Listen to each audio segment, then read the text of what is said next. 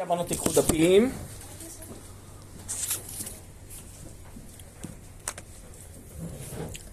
בסדר? אז אמרנו שאנחנו לומדים משהו שיהיה לעילוי נשמת הרב חיים דרוקמן, זכר צדיק לברכה, חלק מהספד של הרב קוק שמופיע בספר במדבר שור, שזה ספר של דרשות של הרב קוק, יש כאן הספד גדול על מי שהיה גדול הדור בדורו, רבי יצחק אלחונות, רבי יצחק ספקטור, ועל פי זה מסביר הרב קוק גמרא בסוף מסכת כתובות, שהיא נכונה לגבי תלמידי חכמים שמסתלקים מן העולם, אני חושב שהיא גם נכונה למורנו ורבינו הרב חיים דרוקמן זכר צדיק לברכה.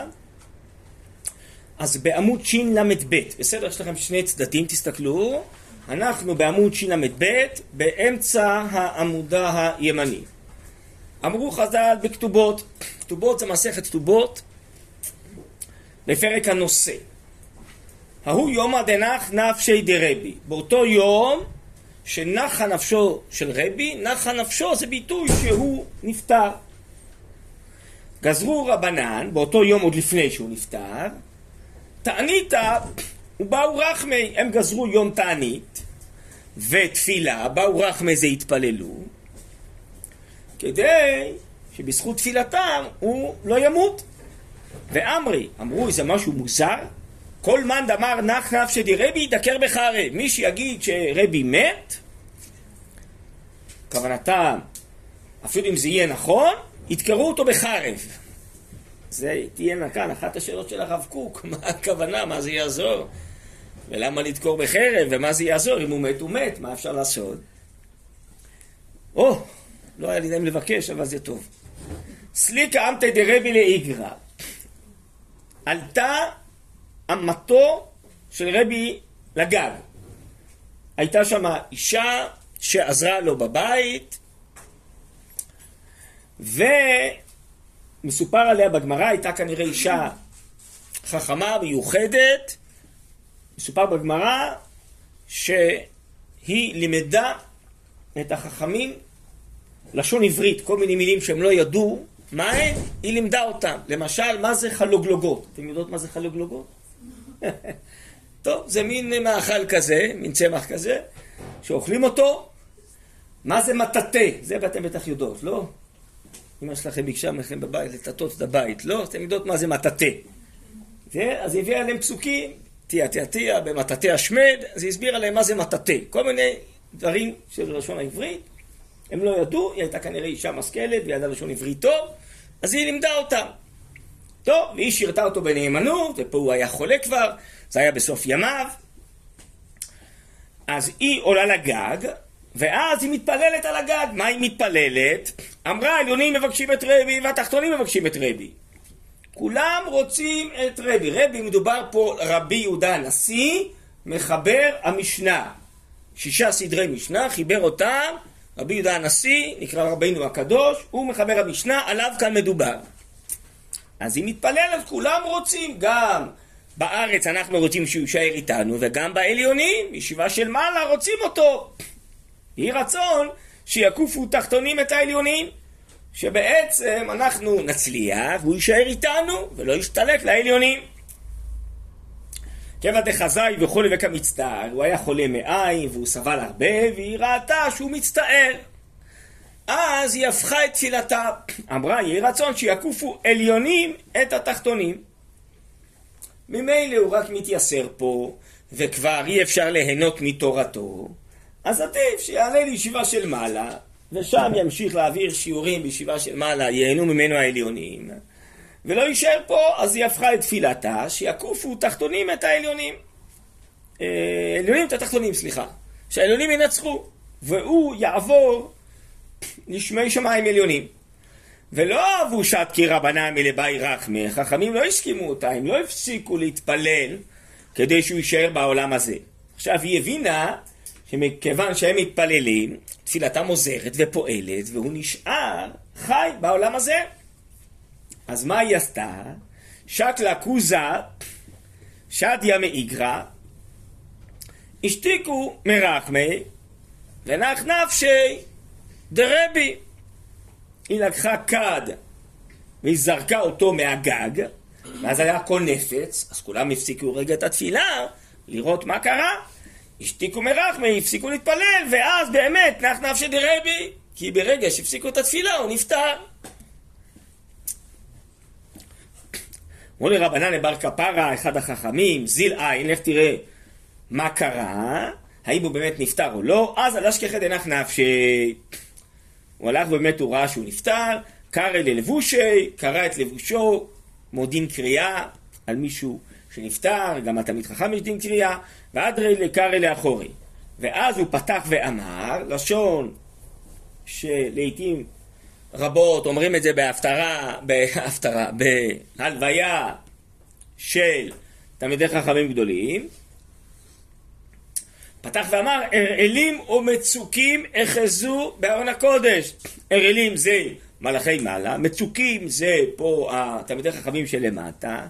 כולם אוחזים בארון הקודש, התלמיד חכם נקרא ארון הקודש, וצריך להבין כמובן למה.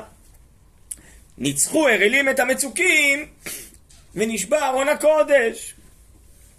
כלומר, ניצחו העליונים את התחתונים, אבל הוא קורא להם אראלים ומצוקים, ונשבע ארון הקודש, נשבע לעליונים, עזב את התחתונים. על זה שואל הרב קוק, ויש להבין, עד כאן לשון הגמרא, כן? עכשיו הרב קוק שואל שאלות, ויש להבין, מפני מה דיבר בלשון מליצה? אה, מצוקים, ארון הקודש, מה פתאום לרבי הוא קורא ארון הקודש? ומה רמז בזה? ומה רמז בזה? ובמה משונה כוונתו מאותו הלשון שאמרה העמת העליונים והתחתונים מבקשים את רבי, גם הוא יכול להגיד עליונים ותחתונים וניצחו העליונים את התחתונים. גם יש להבין מאוד איך הסכימו השלמים הללו להחליט כל האומר נח נפשי דרבי דקר בחרב וכי עצה, ואיזו עצה היא זו? וכי יש שלטון ביום המוות? כן, מה הם אמרו? מין כזה דבר שאסור להגיד שהוא נח נפשי. טוב, נראה אם נספיק להגיע לתשובה של זה. עכשיו הרב קוק יתחיל להסביר איזה יסוד. אמנם יובן שיש בית מיני תועליות הנמשכות בעולם מתלמיד חכם. ולעומתן, שתיים, הן הקור אותנו, מה שקורה לנו, בהיעדרה מאיתנו, כשהתלמיד חכם מסתלק. האחת היא הפעולה המורגשת של תורה, שהם מאירים עיני חכמים ומדריכים לדרך הישר על ידי אור תורתם לדעת מה יעשה ישראל. אז תמיד חכם, הוא מלמד תורה, כן, מאיר עיני חכמים בהלכה, בהגדה, בהדרכות, בפסקים, בשאלות ותשובות, כן, ולפעמים הוא מוכיח אם הוא רואה שאנשים לא הולכים בדרך הישר, צריך ליישר אותם, נותן שיחות מוסר וכולי. אז אם כן, השפעה אחת היוצאת ממנו, נקרא לזה החוצה, השפעה גלויה, שאנחנו רואים שהוא מאוד מועיל לנו, רבי בטח העביר שיעורים בישיבה שלו, לתלמידים שלו, וכשהוא כבר היה חולה, היה כבר קשה לו, או בלתי אפשרי, להעביר את השיעורים. אז אתה רואה מה התועלת המעשית שיוצאת ממנו, וכמה זה חסר שהוא לא יכול כבר בסוף ימיו כי הוא חולה, קל וחומר אחרי שהוא מסתלק. אז זאתי אבל, אומר הרב קוק, תועלת ראשונה. הידועה יותר, המובנת יותר, הגלויה יותר, שנדמה לי שגם כולנו ככה מסתכלים על אנשים, בכלל, על כל אדם. אתה אומר, הוא עושה מעשים טובים, הוא עושה חסד, הוא נחמד, כן, הוא ישר, הוא אמיתי, כל מיני מעלות שאתה רואה מתוך פעולותיו של האדם, מתוך מעשיו. אז אתה אומר, כן, שיש לו מעלות טובות ומעשים טובים, אתה רואה את הצד הגלוי שלו, אז קל וחומר, אתה מתחכם גדול, שיש לו השפעה גדולה, כן? על עם ישראל, על העולם. אבל, אומר הרב קוק, זאת היא רק השפעה אחת, ראשונה. יש השפעה שנייה, שהיא פחות מוכרת, יותר קשה לראות אותה, אבל בהמשך הדברים בעצם נבין וגם במקומות אחרים של הרב קוק, שהוא עוסק באותה סוגיה, הוא חושב שההשפעה השנייה היא עוד יותר גדולה מההשפעה הראשונה. מה זה ההשפעה הזאת היא השנייה? בואו נקרא. והשנית, אפילו זולת פעולתם שפועלים בפועל וגלוי, הסגולה הדבקה בהם מקדושה אלוקית על ידי אור התורה. דבר זה הוא לנו לחומה ומגן בעדינו, ודבר זה הוא מצד סגולת התורה וקדושתה הנפלאה. טוב, זה מאוד קצר כאן, בהמשך עוד הרוב קצת קצת מעריך בזה, אבל אני ארחיב קצת במילים שלי, אולי גם אני אשלים קצת ממקומות אחרים של הרב קוק. בעצם זה שיש תלמיד חכם בדור, הוא מעין צינור של קדושה בדור, צינור של תורה, צינור של ברכה. תכף תלמיד חכם ברכה אמרו חכמים. וכשהוא נמצא בדור, הוא מגן על הדור. ככה דרשו חז"ל למשל, שמשה שולח את המרגלים ושואל אותם, היש בעץ עם מים?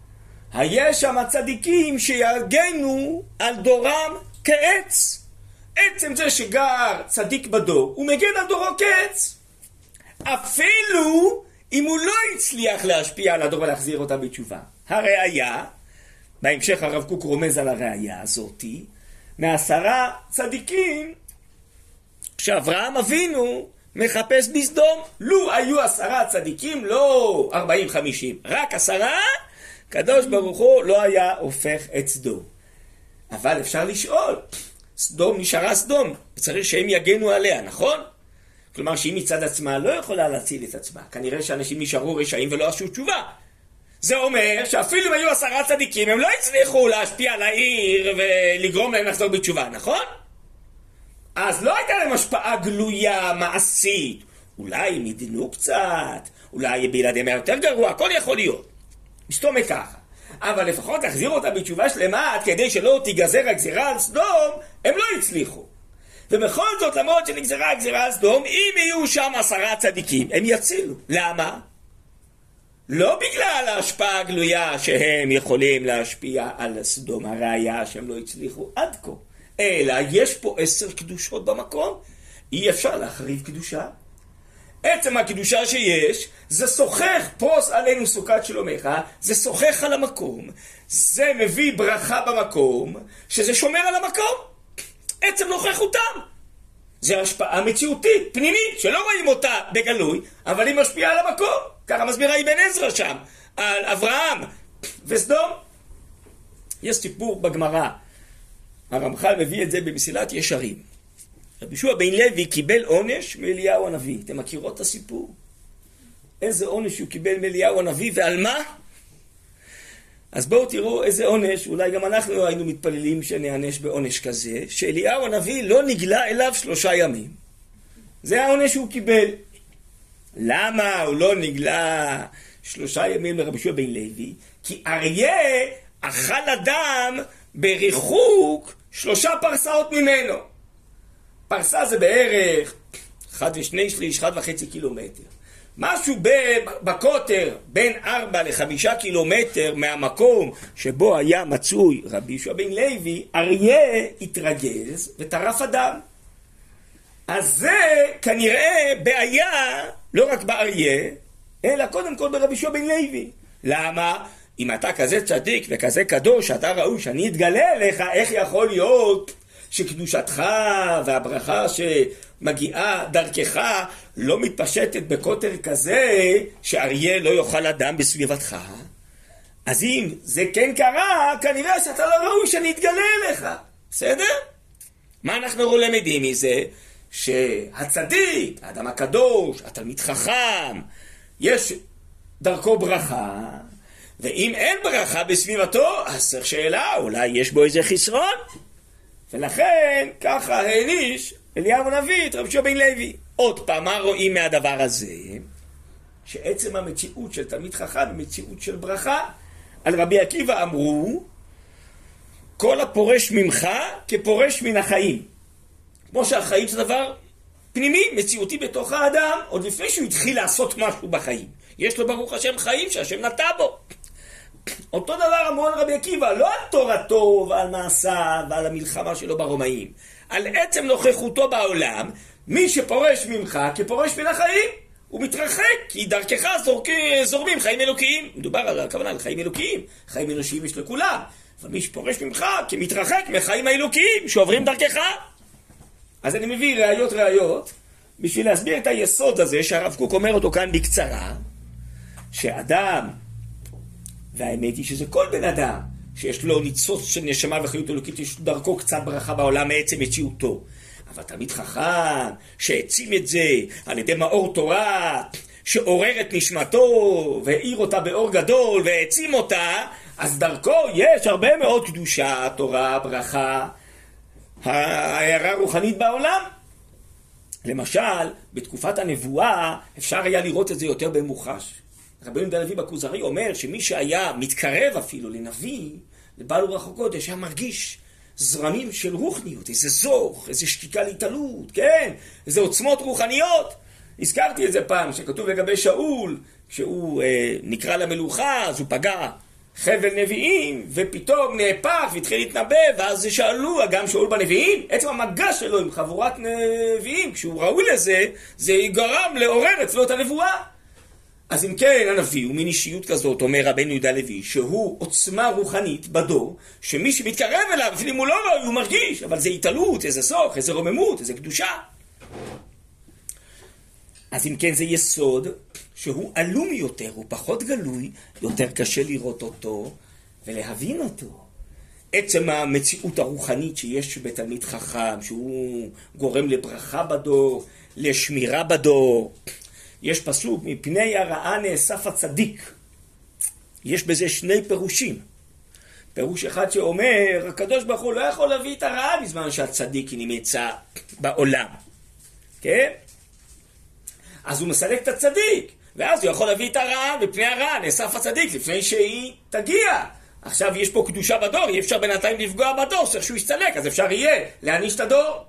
יש אומרים, פירוש הפוך, פני הרעה נאסף הצדיק, כדי שהוא יתפלל שהרעה לא תגיע, הוא יתפלל בשמי שמיים עליונים, כי הצדיקים ממשיכים לחיות ולפעול גם בשמי שמיים עליונים, כדי שהרעה לא תגיע.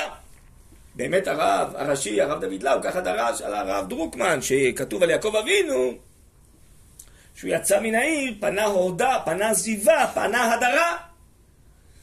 אז שהצדיק בעיר, הוא הודה וזיווה הודרה, יש פה איזו הערה רוחנית, לא כתוב בגלל שהוא מעביר שיעורים יפים, זה נאמר על יעקב אבינו, ויצא יעקב באר שבע.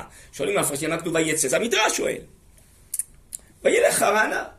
למה כתוב שהוא יצא? לא, גם היציאה שלו עושה רושם. כי כשהוא בעיר, הוא הודה, הוא זיווה, הוא הדרה. כשהוא יוצא, יש פה איזו הערה רוחנית שנעלמת מן הדור. כמו נשמה שניטלת מן הגוף. לאדם יש הארת פנים, הקרנה, כי יש בו נשמה. הגוף חי, תוסס, בריא, חזק. כשהנשמה חזרה לזאת הגוף, הגוף, מת, הגוף מתאחר, נהיה עכור. אותו דבר, שיש צדיק בעיר, בארץ, במדינה, בעולם, אז יש פה נשמה, יש פה הערה רוחנית, אז כל הדור מואר באור רוחני נראה אחרת. פנה, יצא מן העיר, פנה הודה, פנה עזיבה, פנה הדרה, אז הוא דרש שזה אותו דבר. על הרב דרוקמן, שמסתלק מן העיר, מסתלק מן העולם, אז פה זיו, הוד והדר נעלמים, זה ודאי. כוונתו לדברים המציאותיים, הרוחניים, עוד לפני פעולותיו הגלויות. אז אם כן, זה יסוד שהרב קוק כאן מלמד, מחדש, בהרבה מאוד מקומות.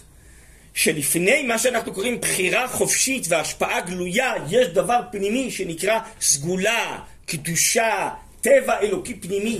שרוב האנשים לא רואים את זה, כי לא רואים את זה בחושים, אבל אנחנו הרי מאמינים שיש באדם נשמה טהורה, יש בו קדושה, קל וחומר בתלמידי חכמים וצדיקים, יש בדור שכינה, אלוקיות, יש דברים שלא רואים בעיניים, שלפי הבנתנו זה עיקר המציאות. עיקר האדם זה הנשמה, זה לא הגוף, הגוף הוא רק כלי לנשמה.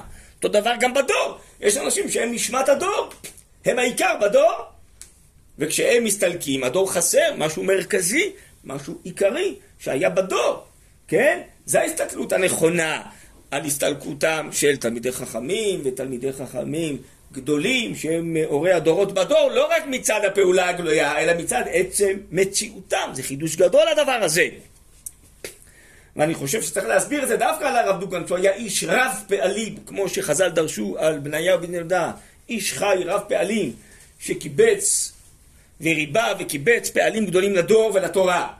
כן, והרב דוגן היה לו המון המון מעשים, המון המון מפעלים. אבל יש משהו יותר עמוק, שזה מה שהרב קוק מדבר פה, שזה פחות נראה לעיניים, ולכן חשוב, אני חושב, ללמוד את הדרשה הזאת, שיש משהו בעצם ההוויה הרוחנית, שתמיד חכם, גדול, כמו הרב דוקמן זכר צדיק לברכה, כן, טהור וקדוש וכן הלאה, שיש בו איזו מציאות אלוקית, רוחנית, שכשהיא מסתלקת מן הדור, הדור נחסר. פנה עודה, פנה עזיבה, פנה הדרה.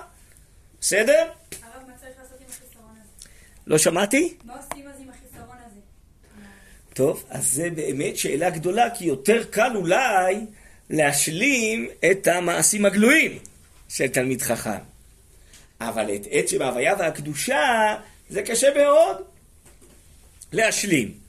שיעורים, אז יכולים לאט לאט אנשים אחרים להיכנס, אה, כן, ולהשלים ולעשות שיעורים יותר טובים, אה, ודאי לא, אבל אולי פחות טובים לפחות, שיהיו שיעורים. אבל את עצם ההוויה זה קשה מאוד, והקדוש ברוך הוא בכל דור שותל צדיקים כאלה, חז"ל אומרים, שהם יהיו שמש הדור, שמשה של הדור, ועד שלא קבע שמשו צמח שמש של מישהו אחר. אבל בינתיים בין הארבעים עד שצומחת שמש אחרת זה קשה מאוד, וזה חסר מאוד, אבל אולי, כמו שהרב קוק אומר, אחד מבני חבורה שמת, תדע כל החבורה כולה, מוסיף הרב קוק להשלים, דהיינו, לא רק תדאג, כמו שמבינים בפשט, אלא תדאג להשלים את מה שחסר. אז אם להשלים מה שחסר באופן הגלוי זה המעשים הגלויים, שזהו אמרתי אולי עוד יותר קל, אבל אם החיסרון היותר מהותי זה החיסרון של הקדושה, של הרוחניות, אז כל אחד מאיתנו אולי יכול קצת, איזה ניצוץ קטן, להוסיף משהו בקדושה, ברוחניות, בטהרה, כן? והניצוצות הקטנים הללו יתקבצו לאבוקה גדולה, אותה אבוקה שעכשיו חסרה לנו. אבוקה של קדושה, של טהרה. בואו נספר לכם איזה סיפור על הרב דרוקמן, טוב? אם כבר הזכרנו את זה, משהו שקשור לזה. סיפרתי לכם פעם, לא, לפני עשר שנים היה לנו איזה מאבק על ענייני התנ"ך וזה, ואז אה, באנו אליו אה, חבר שלי ואני, ורצינו להראות לו כל מיני חומרים שיש על התנ"ך, שהם חומרים לא טובים, שבאמת הוא אה, את החומרים האלה דרש להוריד, ובזכותו הדברים האלה ירדו מהתוכנית לתנ"ך, שנמצאת היום לתלמידים, ובייחוד הראינו לו גם כן כל מיני הכוונות ותוכניות שיש שם למורים. טוב, אז אה, חברי שבא איתי הוא גם כן רב, אז הוא הפתיע גם אותי, אבל הוא רצה להראות לרב אה, את החומרה של הדברים. איזה דברים, אפילו אה, תמונות וציורים, דברים לא צנועים מופיעים שם. נדמה לי ששם זה היה בהדרכה למורים ולמורות. אני מקווה ככה, אני לא זוכר עד הסוף. אז הוא הביא מחשב נייד ופתח לרב את המחשב, שבכוונה, ככה זו הייתה הסברה שלו, שהרב יראה, שיבין את החומרה של הדברים, צריך להוריד אותם. טוב, אני גם כן מבחינה זאת, אני לא יודע אם היה לי מספיק אומץ, אה, או כן, יכולת לעשות את הדבר הזה, אבל הוא עשה את זה. הרב רק ראה בשנייה, בשביב עין, שיש פה איזה תמונה אה, מגונה, מיד הסתובב. תוך, שני, תוך חלקיק שנייה, מיד הסתובב. לא מוכן לראות את זה. מה הבנתי, לא צריך יותר, הבנתי, ואלה עכשיו ניגש לדון איתנו מה עושים ואיך עושים וכן הלאה. זה טהרה. זה טהרה, אני מוכרח לומר, זה גם הפתיע אותי שמה, אבל הוא חשב שחייבים להראות לרב. אין מה לעשות, לפעמים צריך, כמו איזה רופא שמטפל באיזה פצע, צריך לראות את הפצע כדי לדעת לטפל בו, כן? אז יש דברים כאלה גם. שפוסקים, עוסקים בכל מיני עניינים, גם בדברים טמאים, הכהן צריך לראות את הנגע כדי להחליט אם הוא נגע או לא. קיצור, אז זו הייתה הסברה של החבר, אני אומר, אני לא, גם אם זה נכון, לא, לא נראה לי שהיה לי אומץ לעשות את זה, אבל הוא עשה, אבל ראית מה זה אדם טהור ואדם קדוש, שמיד טוב חלקיק שנייה הסתובב, לא מוכן לראות את זה בכלל. טוב, אז אם כן, אז זה... אתם שואלים אותי איך משלימים כזאת קדושה וטהרה בעולם, אז אני לא יודע, רק אולי כל אחד מאיתנו ינסה קצת להוסיף. טהרה וקדושה, יתאספו הניצוצות בעזרת השם, אה, גם אם זה לא באדם אחד, אבל שיהיה בדור. עוד יותר טהרה ועוד יותר קדושה, ודאי שזה יוסיף ברכה לדור. טוב, בעזרת השם הלוואי. בואו נדלג קצת כדי לקצר. בסוף עמוד של"ג, בסדר? ארבע שורות מלמטה, בתחילת הפסקה. והנה רוב המון האנשים. אינם מכירים כל כך עניין סגולת התורה מצד עצמה. כמו שעכשיו דיברנו על עצם הקדושה הפנימית. רוב האנשים לא רואים את זה, לא מבינים את זה, זה דבר שהוא קשה לתפוס את זה, צריך להיות עמקן. ולהתרגל לחשיבה רוחנית, חשיבה עמוקה, חשיבה שכלית, כדי להבין שיש משהו עמוק במציאות שלא רואים אותו בחושים. רק בראותם פעולותיה. אם רואים אדם מעביר שיעור, אדם פוסק איזה פסק, אדם נותן שיחת מוסר, כן? אדם עושה חסד, בין אם זה אדם רגיל, בין אם זה תמיד חכם, אתה אומר, נו, אני רואה מה הוא עושה. אבל להבין את ההוויה הפנימית, רוב האנשים לא מבינים. בסדר? אז זה רוב האנשים. אני מדלג שוב, כי עוד פעם הרב קוק מסביר על פי זה איזה פסוקים, וייקח לנו זמן, ואני רוצה להגיע כאן לסוף הסבר הגמרא. עכשיו, אז אם כן תעברו לעמוד של"ד.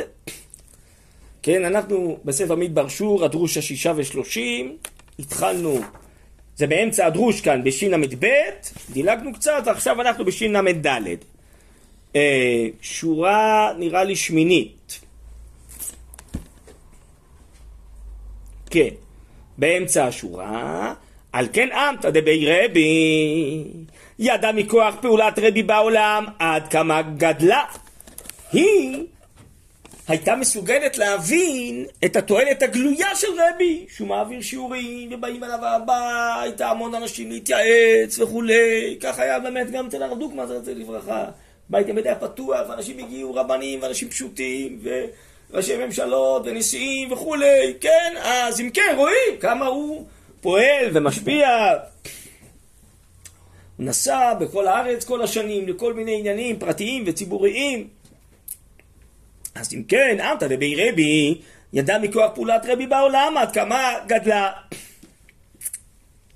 אבל לא יכלה להשיג עניין סגולתו העליונה.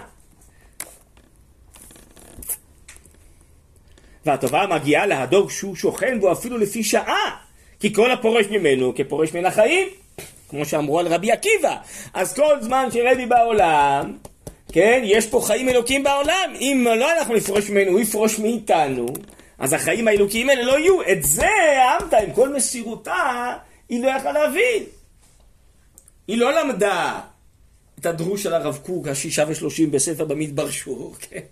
והיא לא ידעה מכל העניין הזה, אז היא הבינה, היא רבי מעביר שיעורים וכולי, אבל ממילא עכשיו הוא כל כך מתייסר, שוכב במיטתו, ולא מסוגל להעביר שיעורים, אז אם ככה, מה התועלת שלו? בהתחלה היא חשבה אולי שהוא ירפא ויחזור להעביר שיעורים, שזה בהתחלה התפללה, הרי אני מזכיר לכם שבאמת ינצחו התחתונים את העליונים. אבל כשהיא ראתה שהוא כל כך מתייסר ואין שום סיכוי כנראה שהוא יחזור להעביר שיעורים, אז בשביל מה שהוא יסבול? מחכים לו בעליונים, ישיבה של מעלה, יעביר שם שיעורים מצוינים. אז כדאי שיקופו את העליונים, את התחתונים, לכן היא הפכה את תפילתה. עוד פעם, כן. אה, אז על אדם פשוט שאין לו את הסגולה הזאת, אם הוא סובל מותר להתפלל עליו? אז יש פה ברור, הוא גם כן רומז, אה, רומז בהמשך, שעקרונית מתפללים על החולה. יש מחלוקת בין הפוסקים בחולה שאין שום סיכוי לפי הרופאים שהוא יחיה, האם צריך להמשיך להתפלל עליו או לא, אז זה מקרים פרטיים שצריך לברר, כמו שכתוב בהלכה, ישאל שאלת חכם, כל מקרה לגופו, כן. אבל כרגיל מתפללים על חולים שיישארו בעולם, ובאמת כתוב אפילו המעצים עיניו של גוסס ומקדים את פיתתו אפילו בשנייה אחת, הרי זה שופך דמים, כי כל זמן ש... האדם נמצא בעולם, נשמתו נמצאת פה, אז זה ממשיך להיות חיים אלוקיים, ואסור לקרב את מיתתו. אז יש גם דיונים לגבי אה, האם אה, לא לגרום לו לקירוב מיתתו, אלא לא להמשיך, אה, להאריך את החיים באופן מלאכותי, טוב, יש הרבה דיונים הלכתיים ורפואיים על זה וכולי, באמת דברים מסובכים, אז בכל מקרה צריך לשאול שאלת חכם. טוב, אז אני חוזר לבירור כאן, מה הבינה האמתא ומה הבינו החכמים, התלמידים של רבי. על כן אמתא דבי רבי, ידע מכוח פעולת רבי בעולם, עד כמה גדלה. אבל לא יכלה להשיג עניין סגולתו העליונה והטובה מגיעה להדור כשהוא שוכן בו אפילו לפי שעה, כי כל הפורש ממנו כפורש מן החיים. זה היא לא מבינה את הסגולה הפנימית, היא מבינה את השיעורים שהוא מעביר, את הדברים הגלויים. הוא, הוא כפורש מן החיים, למה המילה הזאת היא מציינת את הסגולה הפנימית? כמו שאהבת החיים נטועה אהבה עצמית בכל חי. לא משום איזה טעם ועניין, כי אם אהבת חיים. החינמי, כל הפורש מתלמיד חכם גדול, כפורש מהחיים, אפילו לא יוכל לקבל ממנו תועלת, מאיזו סיבה? אז, כמו שאדם אוהב את החיים, אפילו אם הוא לא עושה שום דבר בחיים, הוא אוהב את החיים. אותו דבר, זה מה שאמרו על רבי עקיבא. כל הפורש ממך כפורש מן החיים. אפילו אם לא נלמד ממך שום דבר. אבל עצם זה שאתה בדור, יש פה חיים אלוקיים, ומי שמתקרב אליך, זורמים אליו חיים אלוקיים, אפילו אם אתה והוא לא עושים שום דבר. אז זה מה שבעצם החכמים, תכף נראה, הבינו, כשקרבי בעולם, יש פה ברכה אלוקית בעולם, וחבל שהיא תיפסק. והנה, כינוי נח נפשי, למה חז"ל השתמשו, אמנם זה בארמית, בביטוי למיתה, נחה נפשו. אפשר יהיה להגיד, האדם מת, האדם נפטר מן העולם, מה זה נח נפשי, נחה נפשו? תראו הסבר מעניין. הנה כינוי נח נפשי שמוזכר בידי חז"ל על פטירתם של צדיקים, הוא מכוון נגד עניין הצדיקים ופעולותיהם שפועלים בעולם. כלומר, כשהצדיק מסתלק מן העולם מצד עצם מציאותו, אז אה, אומרים עליו שהוא נפטר, נפטר בסביבה טובה, שהוא כבר הסתלק מן העולם, כלומר עצם החיים שלו לא פה.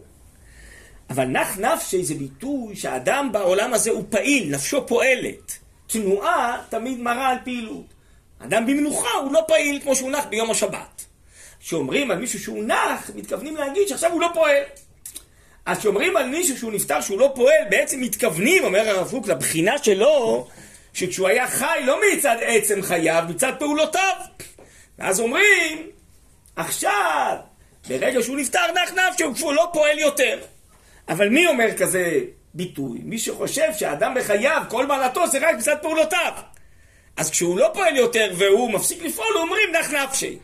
אבל מי שמבין שמעלת האדם זה מצד עצם מציאותו בעולם, בעיקר תמיד חכם וצדיק, שהוא מביא חיים, ברכה וקדושה בעולם, אז בעצם לא נכון לשמש בביטוי, לא נח נפשי, אלא נפטר, הסתלק מן העולם. יצא מן העולם, נכון? בהמשך, אולי לא נגיע לזה, אבל במסביר הרב קוק, תכף ונראה אם נגיע או לא, שלכן חכמים אמרו, מי שיגיד נח נפשי דרבי דקר בחרב.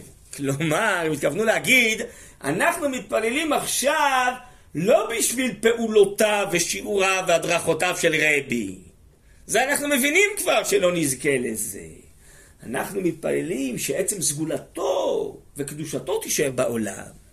לכן מי שחושב שזו התפילה בשביל הפעולות שלו, ואחרי שהוא ימות הוא יגיד שנח נפשי והוא לא יכול לפעול יותר פעולות, הוא לא הבין את העניין בכלל. הוא מוריד את כל רמת התפילה. שהתפילה זה לא בשביל הפעולות. כן, יש לו פעולות או נח נפשי ואין לו פעולות. התפילה זה בשביל עצם ההוויה ועצם הקדושה. זה הרוממות של התפילה, לזה אנחנו מכוונים, לעצם חייו הפנימיים של רבי שיהיו בעולם. לכן הם היו כל כך חריפים, שכולם עכשיו התכווננו וירכזו את מחשבותיהם בתפילה זכה להבין את המעלה של רבי בדור ובעולם. באמת רואים בסוגיה של תפילתם הצליחה, שכל זמן שהם התפללו, אז רבי נשאר בעולם, רק שהם הפסיקו, באמת, הוא רבי נפטר. טוב, הלאה. הנה, יש פה התייחסות באמת לשאלה שלך. על כן יהיה ההפרש, שבהיות המכוון לבקש על חיי הצדיק רק מצד התועלת הנמשכת בפעולותיו לנו, שמטיב אלא כלל ומרביץ תורה. אז אם יהיה חס וחלילה בעל איסורים, ואי אפשר כלל שיועיל בפעולותיו בפועל, הלא אין תכלית נמצאת לנו בפעולותיו שלו, ולמה לבקש רחמים שיחיה ויצטער? אז אם אתה חושב שכל החשיבות שהצדיק, תמיד חכם יהיה בדור, זה רק בשביל התועלת שיוצאת ממנו. אם ממילא לא יוצאת פועלת, אז בשביל מה? שהוא ימשיך להתייסר. ומצינו שלפעמים, הנה זאת הערה הלכתית, מצווה לבקש רחמים על מיתת החולה, לא עלינו, כשהוא בא לאיסורים גדול ואין תקווה כלל לחיותו. אבל בעצם למה תלמידי חכמים שמה המשיכו להתפלל שרבי יחיה? מצד גודל הסגולה והאור שנמשך בעולם הזה על ידי חיי הצדיק עמנו. הרי אין ערך כלל אותה הטובה הנמשכת מול צער ואיסורים של הגוף. גם אם הוא מתייסר, כשהוא נמצא בדור זה דור אחר, זה אחריות עצומה, כשהוא יסתלק מן הדור באמת, המאורות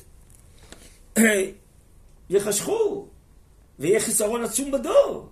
אז שווה אפילו, כן, האיסורים שלו, כדי להושיע את הדור, שאותה קדושה תישאר בדור. על כן ראוי לעולם לבקש רחמים אפילו על חיי שעה, כי כל שעה לא תסולה בכתם אופיר. כל שעה זה שעה של קדושה אלוקית בעולם. כיוון שיש בזה טובה של קדושה, הרי יפה שעה אחת, הרי יפה שעה אחת של קורת רוח בעולם הבא, בכל חיי העולם הזה. זה לכאורה תימה, מה הרב קוק מביא את המשפט הזה, הרי שם מדובר, יפה שעה אחת קורת רוח בעולם הבא מכל חיי העולם הזה. אבל הוא בא להסביר פה למה מתפללים על החיים של הצדיק שישאר בעולם הזה. אז איך מביא ראייה מקורת רוח של עולם הבא?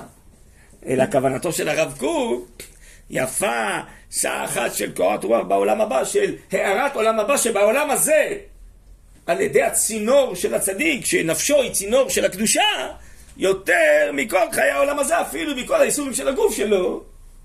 אבל בזכות זה שהוא נמצא עדיין בעולם והנשמה מחוברת לגוף, יש פה הערת עולם הבא בעולם הזה, דיברנו על זה פעם.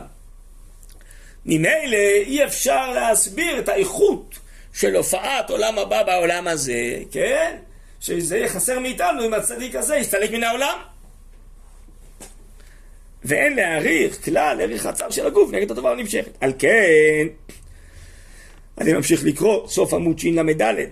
יזהרו החכמים השלמים הללו כשעמדו להתפלל על אריכות ימי חיי רבינו הקדוש. אף שידעו שדבר זה אי אפשר, כי אם על חיי שעה הם ידעו שזה לא לנצח. אבל הם רצו למשוך עוד שעה, עוד שעה, עוד שעה, הקדושה הזאת תישאר בעולם. אבל מידיעתם את סגולת הקדושה נמשכת לכל העולם כולו, מחיי הצדיק עלי אדמות. וראו שאם תהיה השקפה בבקשה לפעולה שפועל בפועל ממש, הלא יתרשלו ידי המתפללים. אם התפילה תהיה לא בשביל הסגולה שלו, אלא בשביל הפעולות הטובות שלו, אז אנשים יתייאשו מלהתפלל, כי ממילא הוא לא עושה פעולות, כי הוא שוכב חולה. על כן גזרו בגזירת עירין שלא יאמרו נח נפשי דרבי, זה הכוונה עכשיו. שמי שיגיד נח נפשי דרבי לקרב אחד, כלומר מי שחושב שתועלתו של רבי בעולם זה רק מצד פעולותיו, הוא מוריד את הכל ומייאש אנשים מהתפילה. כי התפילה הייתה בשביל הקדושה שלו, לא בשביל הפעולות שלו. פירוש, שלא יושקף על עניין פעולותיו להורות שיהיה ההפסד מגיע מהיעדרו מצד הנח נפשי מתוכה ופעולותיה בעניין הכלל. לא על זה עיקר התפילה, רק העיקר להתפלל בעד סגולת הקדושה הדבקה בנו, על ידי חיותו של רבי עמנו. כי כוח הסגולה גדול יותר מאוד מכוח הפעולות הנגלות. אתם אה, שומעות? כוח הסגולה הוא יותר גדול מכוח הפעולות הנגלות. זה מופיע בהרבה מאוד מקומות, זה מופיע בשפת אמת וכולי. כן, זה דבר שקשה לראות אותו וקשה להבין אותו, אבל עצם ההוויה הרוחנית, אפילו של אדם בדור, זה משפיע עוד יותר מכל הפעולות הגלויות שלו. יש לו איזו נוכחות של עוצמה רוחנית בדור, בהרבה מאוד גלים, בהרבה מאוד רבדים. גם ברובד הפנימי, הכי פנימי, שיש בו הערה וברכה וקדושה ושמירה על הדור, אבל גם ברבדים עוד יותר קצת. קצת גלויים. כי גם כל, אומר הרב קוק במקום אחר, כל הפעולות הגלויות שלו, הן מצליחות, הן משפיעות, כי הן יונקות מהסגולה הפנימית שלו. זה תוקף אחר, זה עוצמה אחרת, זה רוממות אחרת, זה השפעה אחרת. כשתמיד חכם גדול אומר משהו, זה הרבה יותר מאשר אדם רגיל אומר משהו, כי זה יוצא מאדם בעל תורה וקדושה ועוצמה, ובעצם הפעולות, כל מה שהוא מייסד, הוא פועל, שזה ברכה וסייעתא דשמיא, ואנשים שומעים לו, אז יש הרבה רבדים בין הסגולה הזאת הפנימית לבין הפעולה הגלויה, גם פה יש המון קומות והרבה רבדים באמצע. וכל מה שיוצא, אומר הרב קוק, במקום אחר, מהפעולות הגלויות, הוא יונק מהדברים הסמויים הפנימיים. ולכן הם מצליחים והם פועלים, זה מתוקף פנימי אדיר. של עוצמה וקדושה וברכה וסייעתא דשמיא. כן? לכן זה העיקר, מזה הכל מתחיל. כן.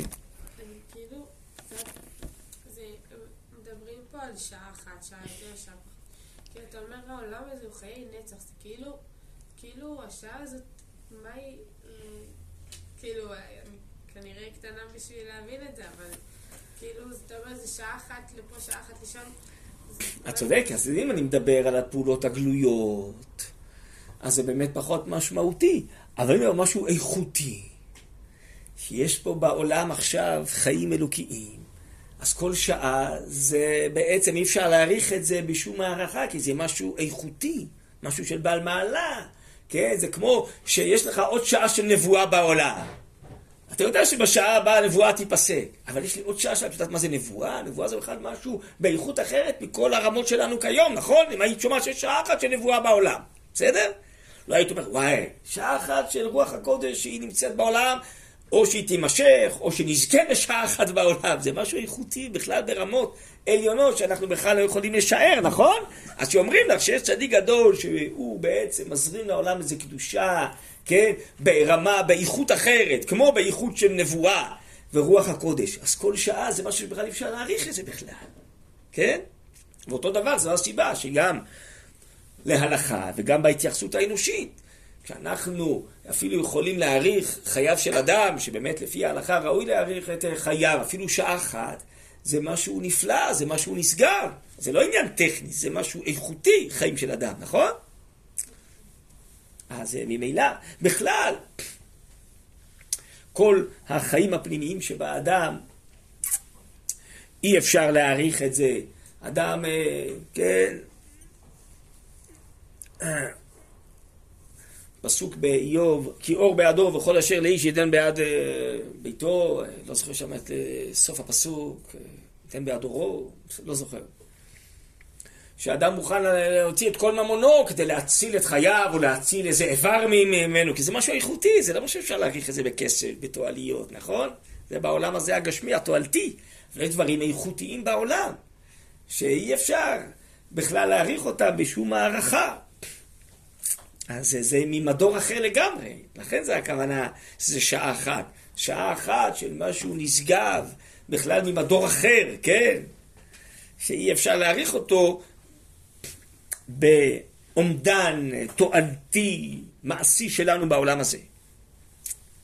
טוב, אה, אה, יש סיפור כזה על אחד אה, מגדולי ישראל, אני חושב, אה, שעל הבבא סאלי, אני חושב, שמישהו בא אליו והתלונן שיש לו קושי לכבד את ההורים שלו, את אימא שלו, משהו כזה. אז בבא סאלי אמר לו, מה אתה יודע, אם הייתי יכול לזכות לשעה אחת לראות את אימא שלי עוד פעם, הייתי מרכיב אותה על הכתפיי והייתי... אה, זה משתולל, אתה יודע מה זה שעה אחת? הייתי זוכר שאימא שלי תחזור אליי. אז זה משהו שאי אפשר להעריך את זה, נכון? זה לא עניין תועלתי. זה עצם לפגוש את אימא שלו שנפטרה, כן? זה אומר הבבא סאלי. כן? אז יש סיפור כזה. אז זה, זה משהו ממדור אחר, משהו של איכות אחרת, שהוא לא יכול להימדד בשום אה, אומדנים של עולם הזה, נכון? אז אם כן, יש כאלה דברים, זה בדיוק מה שהרב קוק בא להסביר. שאנחנו לא עוסקים רק בדברים תועלתיים, פרקטיים, מעשיים. יש דברים איכותיים, מהותיים, שנמצאים בעומק החיים, שהם בסוף עיקר החיים. זה החידוש של כל הדרשה הזאת. בסדר? טוב, בואו נסיים, הזמן הוא קצר. כן. כאילו, זה לא, זה הנשמה שלו, היא בפוטנציאל, היא בכוח, אבל בזכות מה שהוא עבד, אז הוא עורר את זה ופתח את עצמו להיות מרכבה לשכינה, ושהערת הקדושה והאלוקיות והתורה תאיר בו. אז הוא יכל להיוולד ולבזבז את היכולות שלו.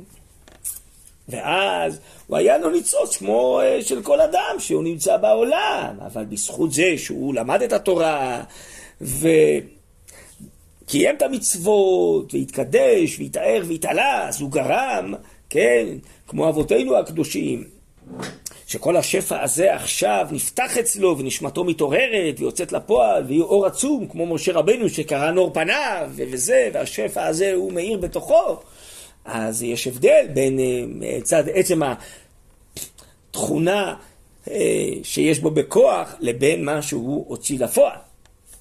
אז לא כל אחד יכול להיות תלמיד חכם? רגע, מה הקשר בין השאלה הראשונה לשאלה השנייה? אין שום קשר. כל אחד יכול להיות תלמיד אה, חכם, אבל יש אחד שיעשה את זה, יש אחד שלא יעשה את זה. זה תלוי בבחירה החופשית שלו. יש בעולם בחירה חופשית, הוא נברא עם יכולת להוציא את זה מן הכוח אל הפועל. יש אחד שעשה את זה, יש אחד שלא. הנה עוד סיפור על הרב דרוקמן, שהוא כבר אה, לפני עשרות שנים נהיה חולה לב. אז הרופא אמר לו, ככה סיפור בהלוויה, שאתה צריך אה, להפחית מאמץ ולהתאמץ פחות. אז הוא שאל את הרופא, בשביל מה יש לב? הלב הוא כדי לעשות דברים, בשביל לפעול, לא? אנחנו חיים בשביל לעשות דברים, בשביל uh, לפעול. אז אם לא, בשביל מה צריך את הלב? אם, אם אי אפשר להשתמש בו, בשביל מה צריך את הלב, כן? אז, אה, אז בסדר, אז הוא היה כזה, שהוא למד הרבה תורה, ולמד מרבותיו, וזיכך את עצמו, וקידש את עצמו, ופעל להמון uh, מפעלים uh, עצומים uh, בעולם, במציאות, בארץ, בדור. אז אה, קדושתו ותורתו ורוחניותו הלכה והתעצמה כל הזמן. טוב, בואו נסיים. אה, אך, אמתא דבי רבי, אני בעמוד של"ה, שורה שביעית.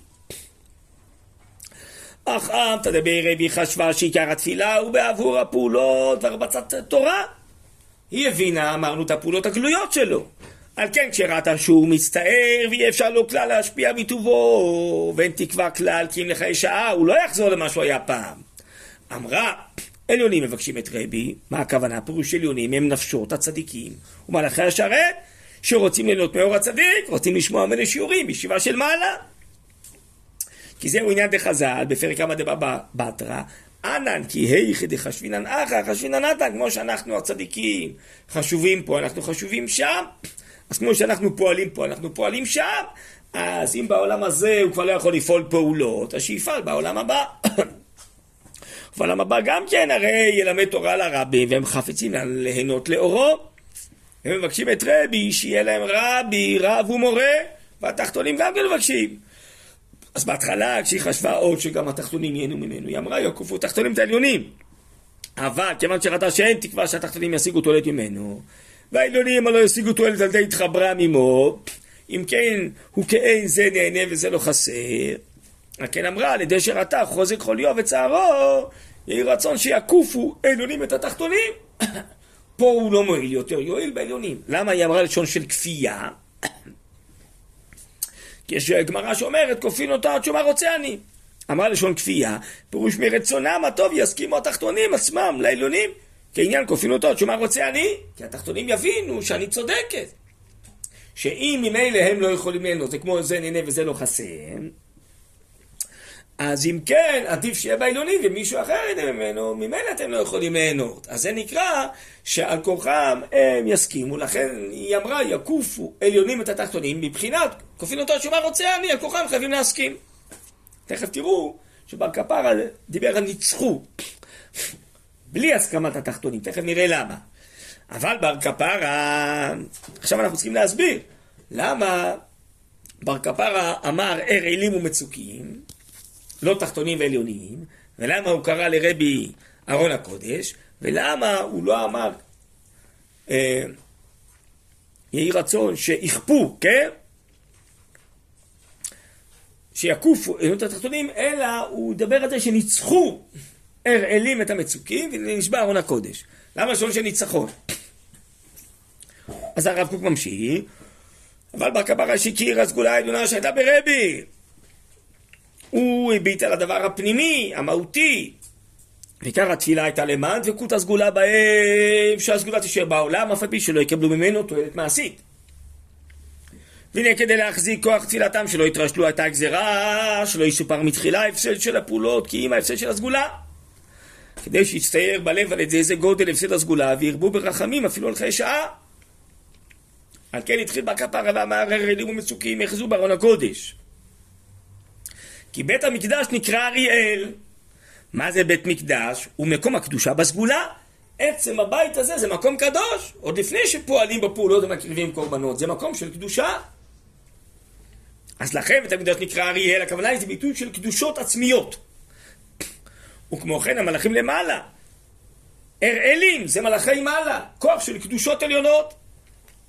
שמשתוקקים אל סגולת כוח קדושת רבי. לא רק מצד הפעולה שהוא יעביר להם שיעורים יפים. הם רוצים להידבק בקדושת רבי. נקראו על שם כן אראלים. ובית המקדש, שם נוסף שיש לו גם כן יסודו ומצוקתו של עולם. מצוקי תבל. ככה אומרת הגמרא בסנהדרין. על כן אותם הצדיקים שחפצים למטה לדבר בקדושתו של רבי נקראים מצוקים. גם הצדיקים למטה זה בעצם כמו השם של בית המקדש שזה מקום של קדושה נקרא מצוק, גם הם מצוקי הארץ. הם הצדיקים שמכילים את הקדושה בארציות. אז אם כן, גם הצדיקים נקראים מצוקים על שם קדושה, כמו קדושה בית המקדש. אז אם כן, על כן אותם הצדיקים שחפצים למטה לדבק בקדושתו של רבי נקראים מצוקים, שהם חפצים דבקות בקדושתו העליונה. אז אם כן, המאבק הוא לא בין עליונים לתחתונים כלשון העמתא, מי יזכה לשיעורים, לשיעורים היפים של רבי, אלא המאבק הוא בין הקדושות התחתונות לקדושות העליונות, כי כולם רוצים לא רק את השיעורים של רבי, את קדושתו של רבי, את המהות הפנימית שלו. לכן מלאכי מעלה נקראים כאן ארלים, וצדיקי מטה נקראים מצוקים, שזה שני ביטויים של בית המקדש, שזה הכל ענייני קדושה, הוויה של קדושה. בקיצור, הסגולות התחתונות והסגולות העליונות רוצות את סגולת רבי, על זה המאבק. רק רגע, איך מתארים שרבי הוא סגולה, קוראים לו ארון הקודש. מה פתאום? ארון הקודש? מה זה בכלל ארון הקודש? ארון הקודש, יש שם את התורה, ששם זה כבוד התורה, ויהי בנשוא אהרון, כולם עומדים. מהתורה שבארון הקודש לא לומדים בפועל, לומדים מספרים אחרים. לא פוסקים משם, אחרי זה יש שולחן ערוך ופוסקים וכן הלאה. ארון הקודש זה קדושת התורה, זה כבוד התורה. לכן כשרבי מתואר פה, ארון הקודש, בעצם באים לדבר על קדושתו של רבי, לא על פעולותיו הגלויות. כי לארון הקודש אין פעולות גלויות, רק עצם הווייתו של ארון הקודש הוא סגולה, הוא קדושה, כמו שחשבו שארון הקודש יועיל, לקחו אותו למלחמה עם פלישתים, נכון? במרכבה. כי עצם ארון הקודש זה קדושה. אז פה הקדושות התחתונות והעליונות נאבקות על קדושתו של רבי, לכן קוראים לרבי ארון הקודש, תראו איך הביטויים האלה מדויקים, זה הפלא ופלא מה שהרב קוק פה מסביר, נכון? אז אתם תכף מבינים שהמאבק הוא לא על התועלת של רבי, על קדושתו של רבי. ואמר שיחזו בארון הקודש, אני ממשיך לקרוא שלוש אה, שורות אה, מלמטה בעמוד של"ה. פירוש, כמו שארון הקודש היה סתום בכפורת ולא למדו מן הלוחות בפועל, מכל מקום מצד קדושתם הסגולית נתפוסה קדושה בישראל. עכשיו למה ניצחו ולא אה, יקופו? אני אקרא לכם עוד כמה שורות שאין לכם בצילום, אך ניצחו הירלים בלא רצון המצוקים. למה? שאפשר שהמצוקים דרי מטה יתרצו לכך. שהרי כל שעה נחסרות לנו קדושה ואורה כפורש מן החיים ונשבע ארון הקודש. קודם שהעמתה הבינה מצד הפעולות הגלויות, והשאלה היא למי רבי יעביר שיעורים, והרי ממילא בתחתונים הוא כבר לא יכול להעביר שיעורים, אז על כורחם התחתונים צריכים להסכים לעליונים, כופים אותם שמה רוצה אני, שזה נהנה וזה לא חסר, אתה ממילא לא יכול לשמוע ממני שיעורים, לפחות תשמעו ממנו דרי מעלה. אבל אם מדובר על המאבק של הקדושה של רבי, שזה גם כשרבי לא מעביר שיעורים, עצם קדושתו מועילה בדור. פה נאבקים הקדושות התחתונות והקדושות העליונות, אצל מי תישאר קדושת רבי. וגם אם הארלים העליונים מנצחים, וקדושתו של רבי עוברת למעלה, אבל זה נקרא ניצחון, בלי הסכמת התחתונים, כי גם הוא היה נשאר בתחתונים, הוא היה מועיל להם. אז יש להם טענה, למה הוא צריך להישאר אצלם. אבל בכל זאת, ככה החליטה השגחה העליונה, שניצחו הרלים את המצוקים, ונשבע ארון הקודש, ואז הקדושה בעצם התווסה לעליונים ללא רצון התחתונים, בלי שהם מסכימים לזה, אבל על כורחם, כן? למרות שכן קדושתו של רבי הייתה מועילה להם גם במצב הזה שלא יכול להעביר שיעורים, אבל הציבור החליט שקדושתו תצטרף לעליונים. טוב, אז לצערנו הרב, גם אז החלטה העליונה פה החליטה לגבי הרב חיים דרוקמן, רציתי לברכה, שלא רק פעולותיו הכבירות, אלא גם קדושתו, נר שמיני של חנוכה תצטרף לעליונים. ואנחנו לא יודעים חשבונות של מעלה, אבל ודאי שהדור נחסר מאוד בין מצד עצם ההוויה והקדושה של תלמיד חכם וצדיק כזה גדול, בין מצד פעולותיו הגלויות. וזה מה שהזכרתי קודם, שהרב קוק אומר, תדאג, אשרי אחד מלך המורה שמת תדאג כל אחד פעולה להשלים. אז אה, כל אחד יכול לנסות קצת להשלים, או מצד הפעולות הגלויות, להוסיף משהו, בלי נדר, אפילו בעצמו קודם כל, כדי להוסיף בעולם, בעם ישראל, בדור של הגאולה. או מצד הקדושה והטהרה והרוחניות הפנימית, שבעזרת השם, הרבה ניצוצות קטנים אולי נצליח משהו להשלים מהחיסרון הגדול הזה. כן. נכון, נכון, כן. אמורה להיות בנו גם, לא יודעת אם שמחה, אבל כאילו הבנה שאם העולם בא לקראתנו, אז צדיק גם אם הוא בעולם הבא, אז זה בא לקראתנו, כאילו, אבל הפוך, לא, העולם הבא בא לקראתנו, הכוונה היא שהוא משפיע ומאיר בעולם הזה. אז אנחנו רוצים שהחיים מצד האמת, החיים אמורים להישאר בעולם הזה. המוות הוא חרפה, השם יסיר חרפת עמו ישראל. אם לא היה חטא וחטאים בעולם, היה, היה, היינו נשארים לחיות לנצח. ולעתיד לבוא החרפה הזאת תוסף ויהיה תחיית המתים. אנחנו חושבים, מאמינים, כמו שמאה עשרים שנה יכולים להיות נשמה וגור ביחד, יכולים להיות גם לנצח. אז הארת העולם הבא בעולם הזה זה שזה ימשיך להיות מחובר. כשאנחנו לא זוכים, אז זה מסתלק, כן? ואז כאילו נפרדים העולמות. והצדיקים ממשיכים לפעול בעליונים, ובעזרת השם עוד יחזרו בתחילת המתים לתחתונים. אבל אם היינו זוכים, אז היו נשארים איתנו, וכל העולמות היו מחוברים, כי ביער השם נצור עולמים. שני עולמים הוא ברא בשם אחד של י' וק' עולם הבא בי' ועולם הבא בה', שבשניהם ביחד אה, העולם מאוד מחוברים, זה מה שאמור להיות, בסדר? אז זה העיקר המעלה, שעולם הבא יופיע בעולם הזה, ולא יפרדו העולמות. בסדר, אבל אם ככה, למה אנחנו צריכים אנשים חיים בעולם הזה, כל מה שדיברנו עד עכשיו? יש קדושה מן העליונים, אנחנו רוצים, מפליא לעשות כושר רוחני וקשים, מכושר אה, נשמה לגוף, שיהיה ממש בעולם הזה, בתוך הגוף, זה, ה, זה הדבר הכי שלם ומושלם. לצערנו בינתיים, השם עוד לא הסיר חרפת עם ישראל ויש מוות והם צריכים להיפרד. כן? אז יש גם השפעה מן העליונים. אבל היינו שמחים שזה יהיה ממש מחובר באישיות של אנשים. טוב, בעזרת השם, בשורות טובות.